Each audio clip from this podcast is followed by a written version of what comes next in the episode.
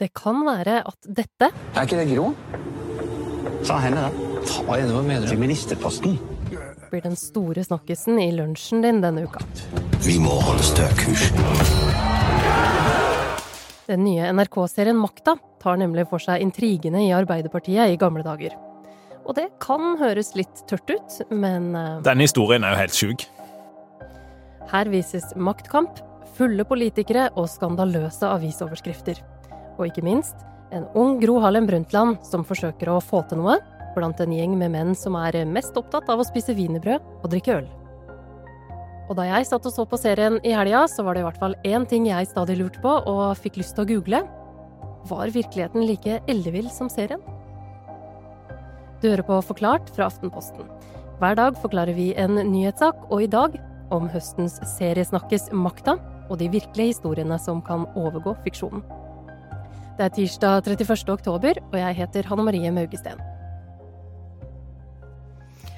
Altså, NRK har jo liksom fronta den som en, som en dramaserie, men for meg så var jo dette her nærmere komikveld enn en politisk kvarter. Altså, det er politisk satire på, på høyt nivå. Du tenker på intervjuet med statsministeren der han avslører at han skal trekke seg? Ja. Du lurer på om det skal på forsida? Film- og TV-anmelder i Aftenposten, Mai Synnøve Rogne, har fått en forsmak på alle episodene, og hun gir serien terningkast fem. Og selv om serien tar fatt i intriger og maktkamp som skjedde for over 40 år sia, så kan den også kobles opp mot dagens politiske intriger.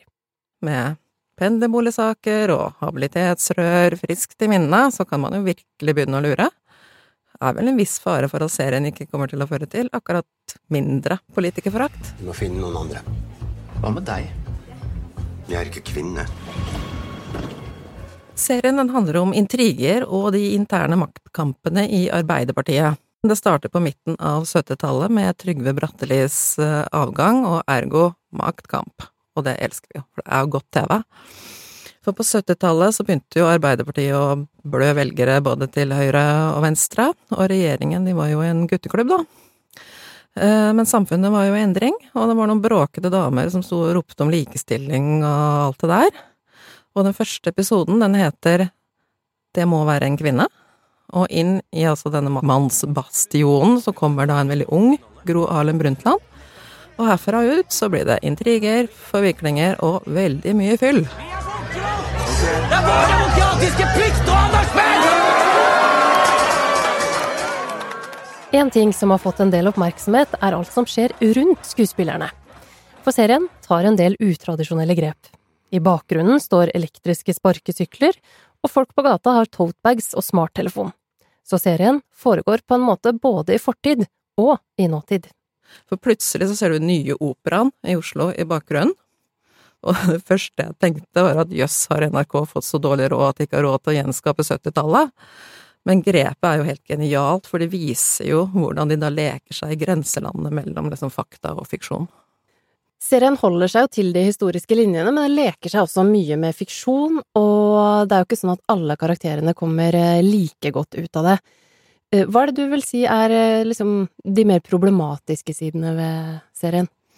Altså, du, du, du, du har helt rett at øh, At man kan spørre om noen av de mer liksom, negative personskildrene er altså etisk in innafor. Det er jo problematisk. Altså, mange av de som portretter, portretteres her, er jo, jo døde.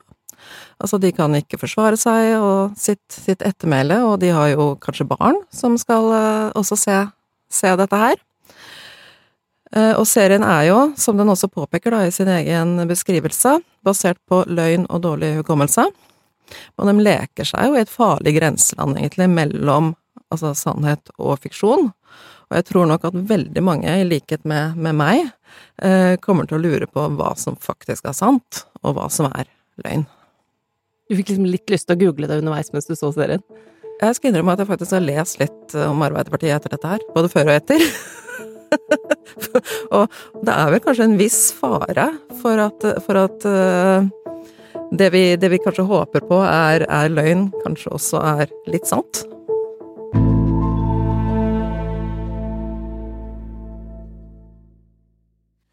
Ja, Togturen skulle være starten på Arbeiderpartiets valgkamp i 1979. De skulle ta toget fra Oslo til Trondheim. Odd Inge Aas er politisk journalist i Aftenposten og har god kontroll på hva som faktisk skjedde den gang, og hva som er funnet på. Og noe av det virker for utrolig til å være sant. Eh, problemet var jo at det, det skar seg allerede fra start. Sånn som denne togturen.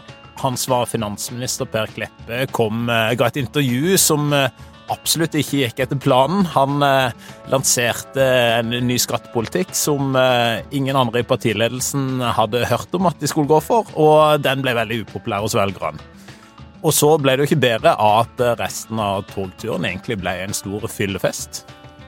Det var mange journalister om bord, så politikerne skulle ut i lokalmiljøet oppe ved Gudbrandsdalen og eh, presentere sin valgsaker. Eh, men eh, folk drakk altfor mye statsminister Oddvar Nordli han måtte hjelpes av og på toget når de stoppa på Otta fordi han hadde drukket så mye. Og eh, de fortsatte å drikke helt opp til Trondheim. Og da gikk valgmøtet i Trondheim neste dag sånn som det måtte gå. Det gikk elendig, og det gjorde òg valget senere på høsten.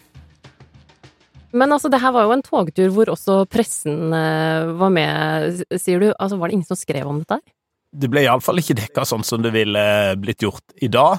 Eh, et av de store problemene var kanskje at veldig mange av journalistene var minst like fulle som det politikerne var, og dermed så var de vel ikke i stand til å rette noen sånn voldsom eh, moralsk pekefinger mot eh, de de egentlig var der for å følge som journalister. Hvordan ville en sånn togtur, altså kunne en sånn togtur skjedd i dag, og hvordan ville det utarta seg hvis noe lignende hadde skjedd, tror du? Nei, jeg tror ikke noe sånt kunne skjedd i dag. Eh, eller syns jeg, altså, kunne det. Eh. Nei, altså, hvis du stiller spørsmål egentlig. Uh, hva var det jeg spurte om, om det kunne skjedd i dag? Starten på en valgkamp i Arbeiderpartiet kunne aldri blitt på samme måten i dag, og uh, hvis det hadde vært så mange journalister uh, med på tog, og det hadde endt i en sånn fylleskandale, så hadde det garantert blitt skrevet masse om det i avisene. Men drakk de altså så mye på den tida her, sånn som vi ser i, i serien, eller? Altså, alkohol eh, ble etter hvert et veldig, veldig stort problem for Arbeiderpartiet. Eh, og det var en stor endring, for i eh, altså arbeiderbevegelsen så har det egentlig lenge vært en veldig sterk sånn avholdstradisjon. Den forsvant mer og mer. Han som var partiformann, ble valgt i 1975, Reilf Steen, han hadde store alkoholproblemer, og det gikk òg veldig utover måten han var i stand til å lede partiet på. Eh, og Oddvar Nordli, som var statsminister på samme periode, han eh, hadde òg tidvis eh, drakk for mye. Men for Reilf Steen så, så endte gjorde det at han ikke var i stand til å lede partiet etter hvert.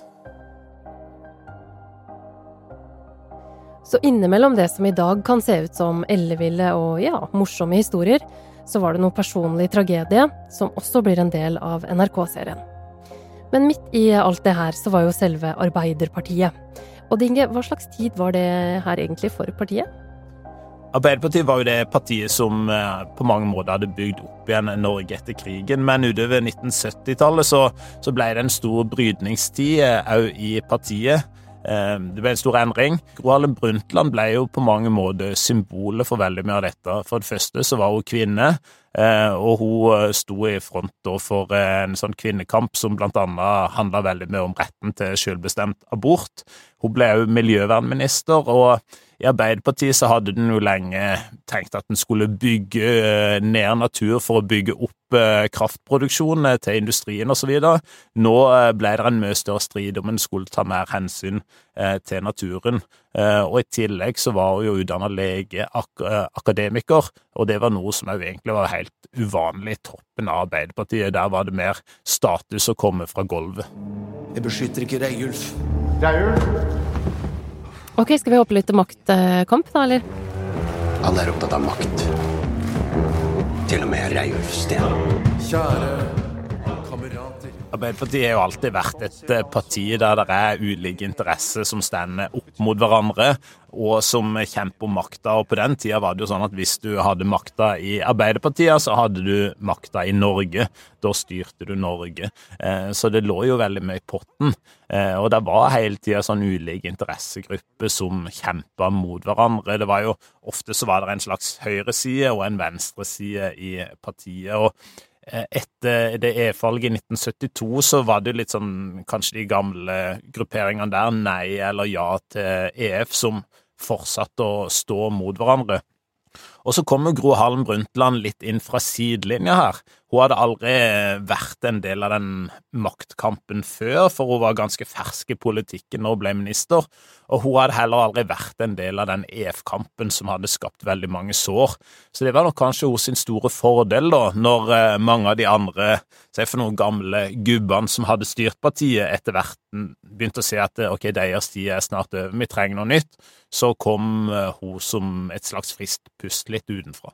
Du var jo inne på det. Det er, ikke, det er jo ikke helt ukjent med maktkamp og ulike fløyer i Arbeiderpartiet. Hvilke paralleller kan man trekke til det som skjer i dag, da?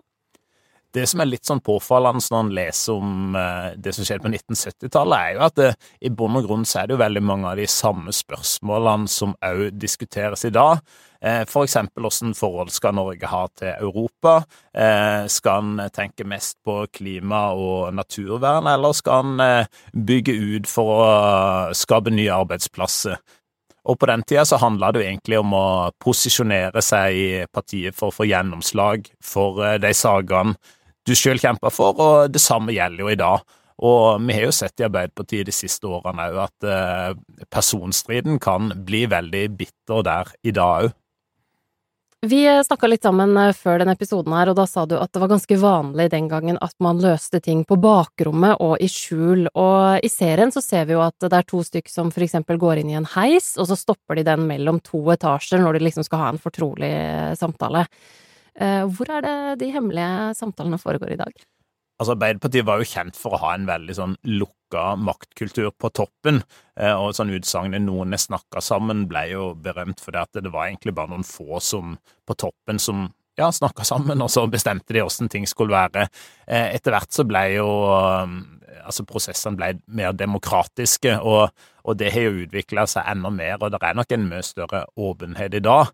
Eh, men du kommer nok ikke vekk fra at det ofte nå i dag er eh, noen få, eh, i hvert fall sånn ledere for ulike interessefraksjoner da, i Arbeiderpartiet, som, eh, som, snakker sammen og prøver å komme fram til kompromiss. Men jeg, jeg, tror nok det skjer i en mye større åpenhet i dag enn det det gjorde før. Det er ikke sånn at uh, Støre og LO-lederen eksempel bare kan gå inn i en heis og prate sammen, og så bestemme seg, og så blir det sånn fordi de har sagt det. De må i hvert fall ha en, en mye større tyngde av fotfolket bak seg. da. Hva er det mest eh, på en måte elleville fra denne serien som eh, også er sant, da, og som skjedde i virkeligheten? Det er jo en eh, karakter i serien som heter Arvid Engen, som er en møbelhandler fra Jessheim. Og han spilte en helt utrolig rolle i det som vel er en av de største skandalene i norsk politikk. For Arbeiderpartiet var jo veldig plaga av at det hele tida kom masse lekkasjer i avisene fra det indre liv i liksom toppen av partiet, og ingen skjønte hva er det som skjer her? De begynte å leide rundt i partikontoret. Er det noen skjult mikrofon her? Er det noen som avlytter oss? Eh, men etter hvert, eller senere, så viste det seg at det var jo partiformannen Reiv Steen eh, som var kilden til veldig mange av lekkasjene. Og han hadde en mellommann, det var denne møbelhandleren på Jessheim. Steen Sten ringte til han. Møbelhandleren tok mange av samtalene opp på tape, og så sendte han kassetten videre til utvalgte journalister. Eh, og dette var noe Sten òg var innforstått med.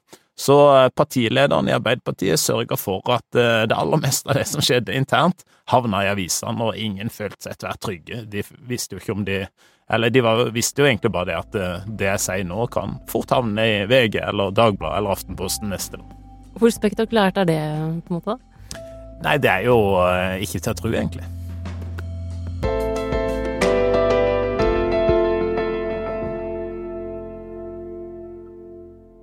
Du har hørt en podkast fra Aftenposten.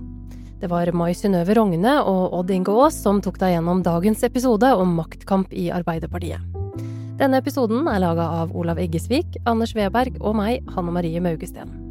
Resten av Forklart er Synne Søhol, Jenny Førland og David Vekoni. Du har hørt lyd fra serien Makta på NRK.